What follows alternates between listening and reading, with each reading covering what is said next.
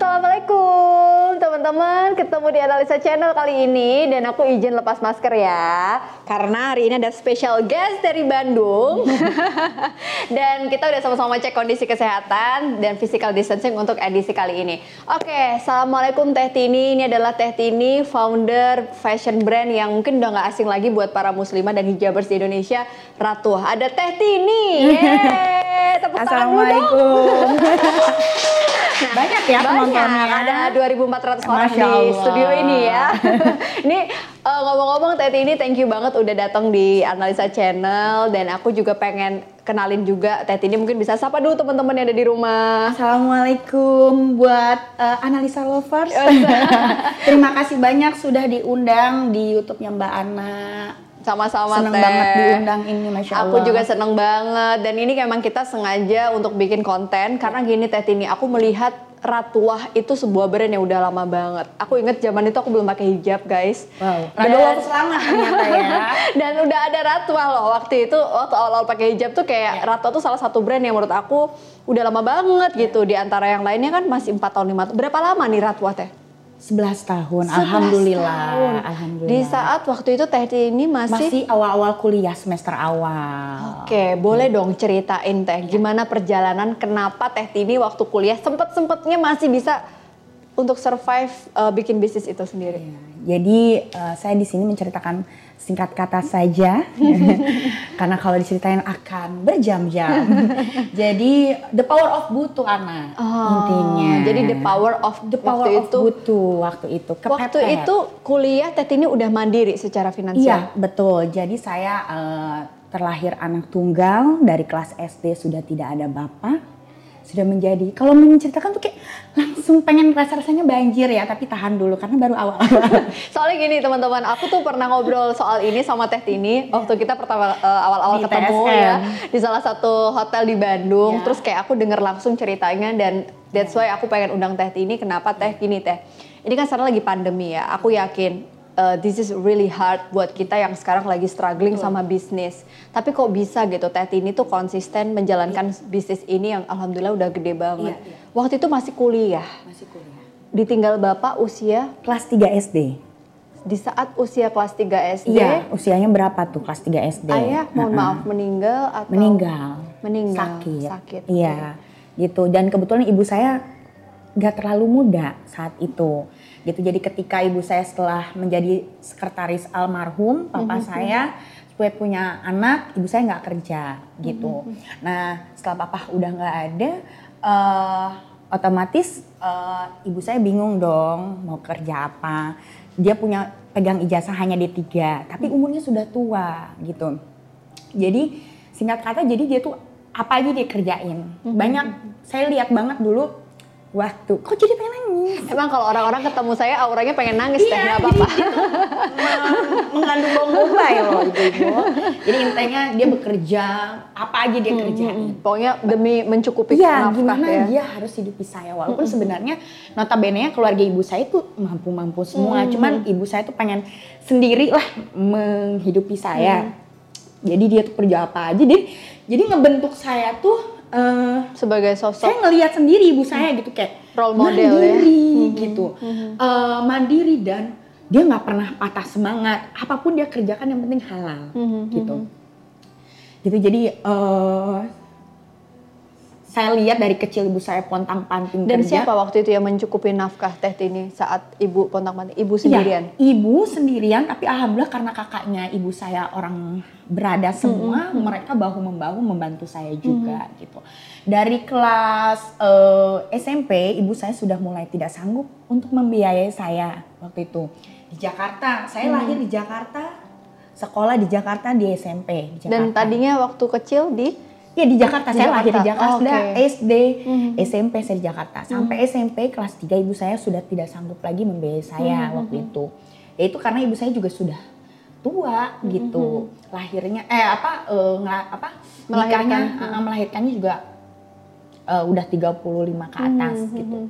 Jadi eh, banyak perusahaan-perusahaan atau usaha sudah tidak terima ibu saya lagi untuk bekerja walaupun dia punya D3 gitu. Mhm. Tapi dia apa aja dia kerjain. Sampai SMP dia sudah tidak mampu lagi untuk membiayai saya. Akhirnya memang ditawarkan sama kakaknya ibu saya di Bandung. Mhm.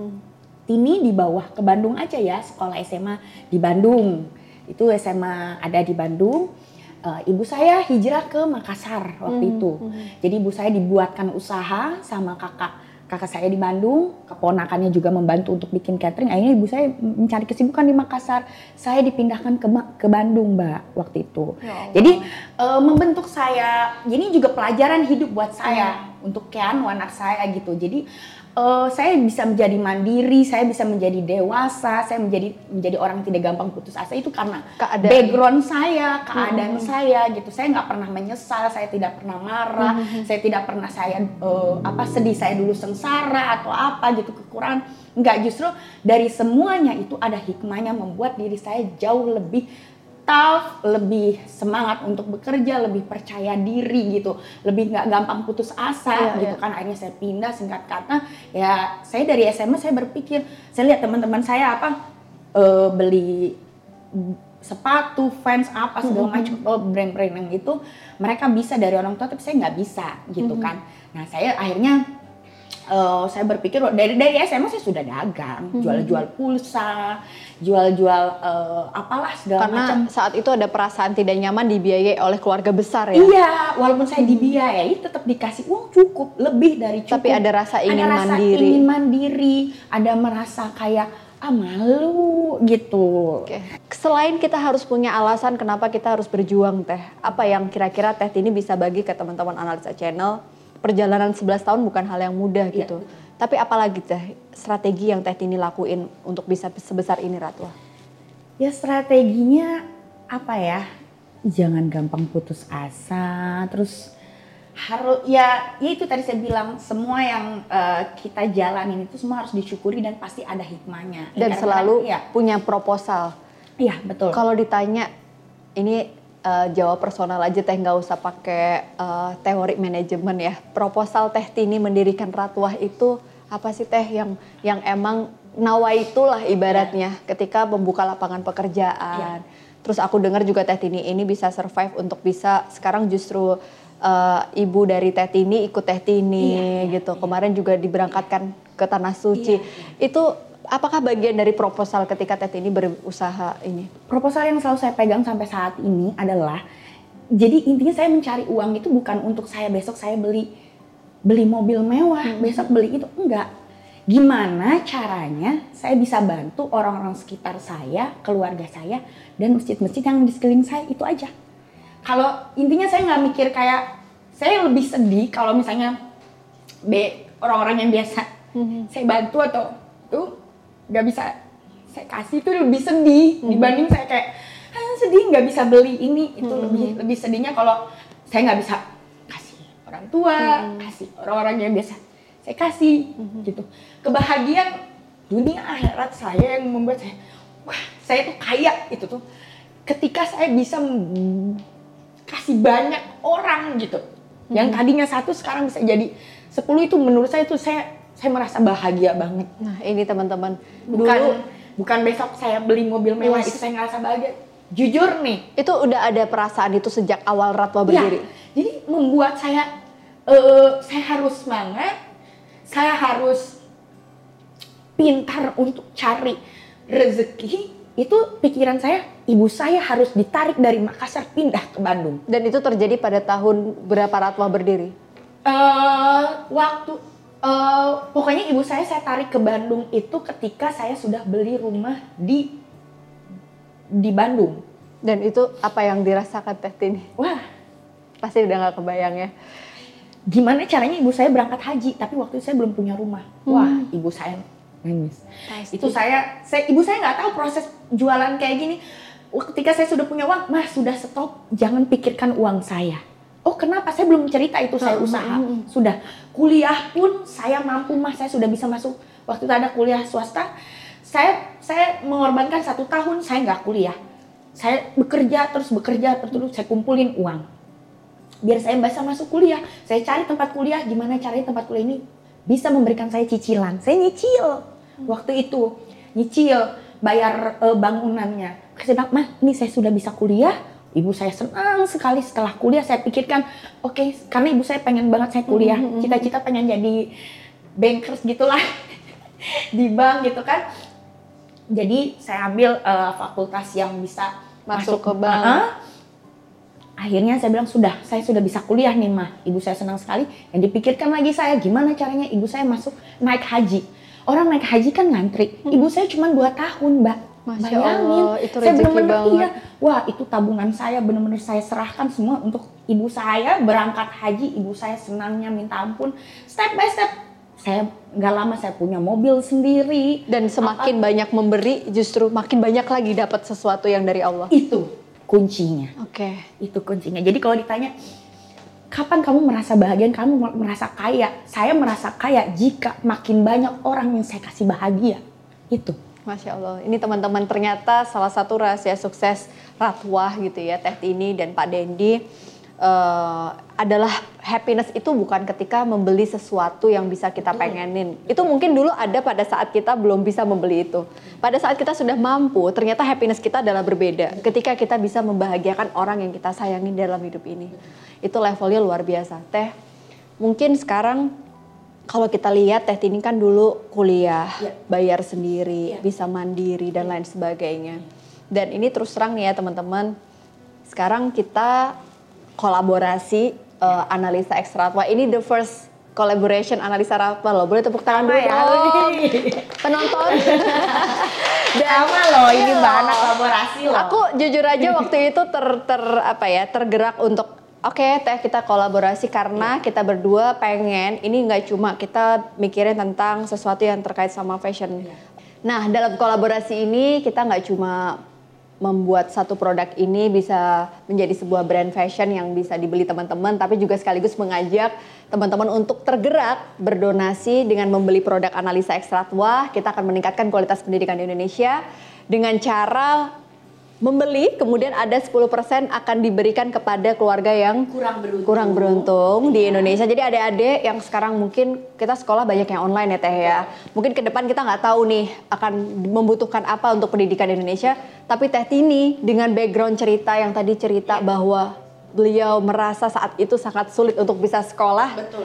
Dan saat ini ketika Ratwa sudah menjadi sebuah brand besar, bersama saya Analisa kita bakalan ngajak teman-teman untuk bisa meningkatkan kualitas pendidikan. Betul sekali. Itu jadi, salah satu motivasi kita. Iya, jadi memang motivasi uh, Radua dan analisa ketika membuat kolaborasi itu ingin bukan cuma hanya untuk bikin produk dijual, bukan hanya itu tapi produk Radua X Analisa juga ingin berbagi kebahagiaan yes. untuk banyak keluarga yang kurang beruntung. Aku merinding banget loh Teh, karena aku juga pernah ngerasain waktu itu pengen banget kuliah ke luar negeri dan aku gagal ditolak oleh sebuah siswa. Yeah dan saat itu tuh rasanya nggak enak banget iya. nggak yeah. bisa uh, sekolah karena masalah biaya dan sekarang ketika kita alhamdulillah diberi rezeki oleh Allah yang lebih gitu ya kita pengen ngajakin teman-teman untuk bisa lebih meraih pendidikan yang setinggi tingginya yeah. teh apa nih pesan buat teman-teman sekarang pelaku UMKM yeah. yang mungkin sekarang masih sambil kuliah, yeah. pengen mandiri secara finansial. Yeah. Karena analisa channel ini banyak juga loh teman-teman mahasiswa yang sambil bikin online shop, Terus apa yang menjadi satu spirit bagi Teh Tini selain proposal untuk bisa membagi kebahagiaan, nggak pantang menyerah, apa nih yang pengen disampaikan ketika pandemi ini uh, mungkin menjadi sebuah krisis uh, yang luar biasa buat kita? Iya, jadi ketika pandemi dari awal COVID ada ya gitu. Banyak sekali teman-teman uh, UMKM yang kenal sama saya juga dicerita turun-turun apa dan lain sebagainya.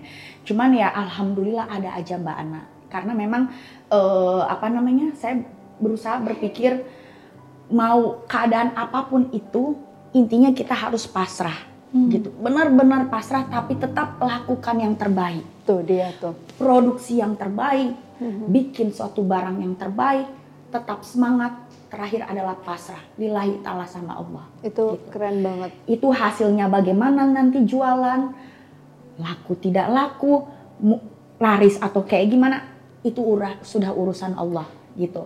Dan yang pasti benar-benar berdoa, niatkan kita dagang untuk banyak orang, untuk banyak masjid. Sudah, itu nanti insya Allah itu permainan Tuhan lah. Jadi kita nggak boleh pasrah, nggak boleh kita menentukan kalau kita udah berjuang Ya. maka hasilnya akan seperti ini bukan tugas kita. Tugas kita adalah berjuang semaksimal mungkin Betul. dan hasilnya sudah ada yang punya tugas itu yaitu pemilik kehidupan kita. Sama seperti Radua X Analisa. Mhm. Kita bikin produk, kita kolaborasi, kita lakukan yang terbaik, bikin yang terbaik mulai dari desain dan bahannya gitu kan, biar banyak dicintai Radua lovers, ya kan, analisa lovers dan tetap kita kasih maksudnya unsurnya kita niatkan 10% untuk keluarga-keluarga yang kurang beruntung. Nah ini untuk meningkatkan kualitas pendidikan Indonesia juga nih teman-teman. Oke Teh Tini, aku ngerasa eh, thank you banget udah sharing di sini. sampai lupa bukan cuman untuk keluarga beruntung tapi untuk Rado lovers tercinta kita juga kasih Oh diskon iya, ada diskon juga 5%. 5%. Jadi nih teman-teman, kalian kalau beli produk analisa ekstra tua, Iya. Eh, kita akan bagi kebahagiaan selain kalian bisa dapetin diskon 5% Iya. dan 10%-nya turut mengajak teman-teman buat meningkatkan kualitas pendidikan dengan donasi Iya. kepada mereka adik-adik yang kurang beruntung di Betul Indonesia. sekali. Dan itu juga merepresentasikan perasaan kita nih pada saat dulu kita pengen sekolah Iya. dan kita merasa waktu itu ternyata tidak mudah situasinya. Tapi hari ini justru kita pengen mengajak eh, semuanya untuk Iya. sekolah setinggi-tingginya. betul betul Teh, harapannya apa nih untuk Ratwa ke depan dan pernah nggak sih Ratwa ini mengalami satu titik yang pengen menyerah?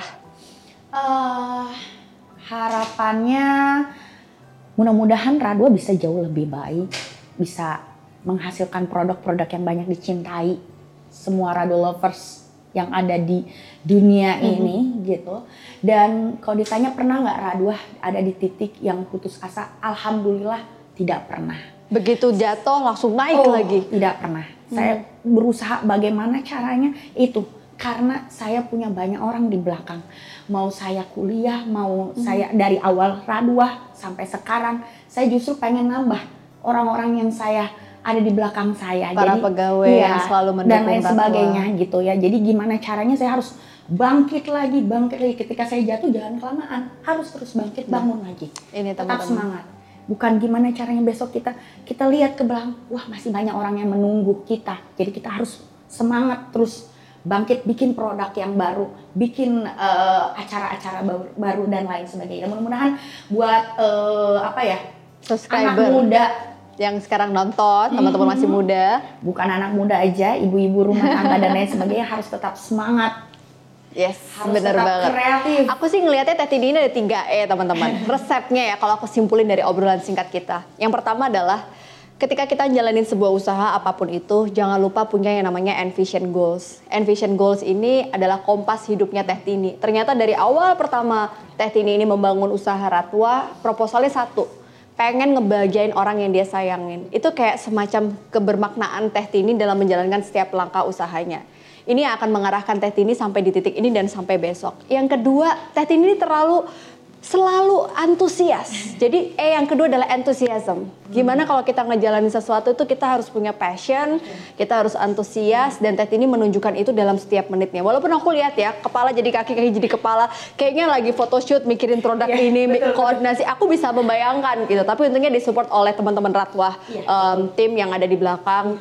Terus kemudian yang eh yang ketiga adalah endurance. Jadi gimana Teh Tini ini ternyata kalau aku lihat 11 tahun ini cerita merasa belum pernah ada di titik eh, yang jatuh. Mungkin pernah, tapi Pernah. cepet-cepet bangkit. Iya, betul. Itu adalah daya juang dan daya tahan Teh Tini terhadap situasi yang menekan. Jadi tiga E itu tadi teman-teman, you don't have to be keren untuk bisa melakukan sesuatu yang keren. Nggak perlu kita tuh punya gelar tinggi atau nggak perlu kita tuh harus punya eh, modal banyak. Karena Teh Tini memulai dari semua usaha dari jualan pulsa, tapi you just need to start. Anda cuma tinggal butuh memulai sesuatu and then you will be great. You will be okay. Sukses Teh Tini buat Ratwa. Terima kasih, sukses juga buat analisa dan tim. Dan mudah-mudahan Radua X Analisa diterima banyak. Ah, teman-teman di Yeay, luar thank sana. you. Tepuk tangan dong buat Teh Tini. Terima kasih. Oke, makasih Teh Tini dan jangan lupa ya bentar lagi nanti akan ada launchingnya analisa ekstra tua. Kalau kamu beli, kamu sekaligus membantu meningkatkan kualitas pendidikan di Indonesia. Sampai ketemu lagi di episode berikutnya. Assalamualaikum, dadah. Tepuk tangan lagi dong.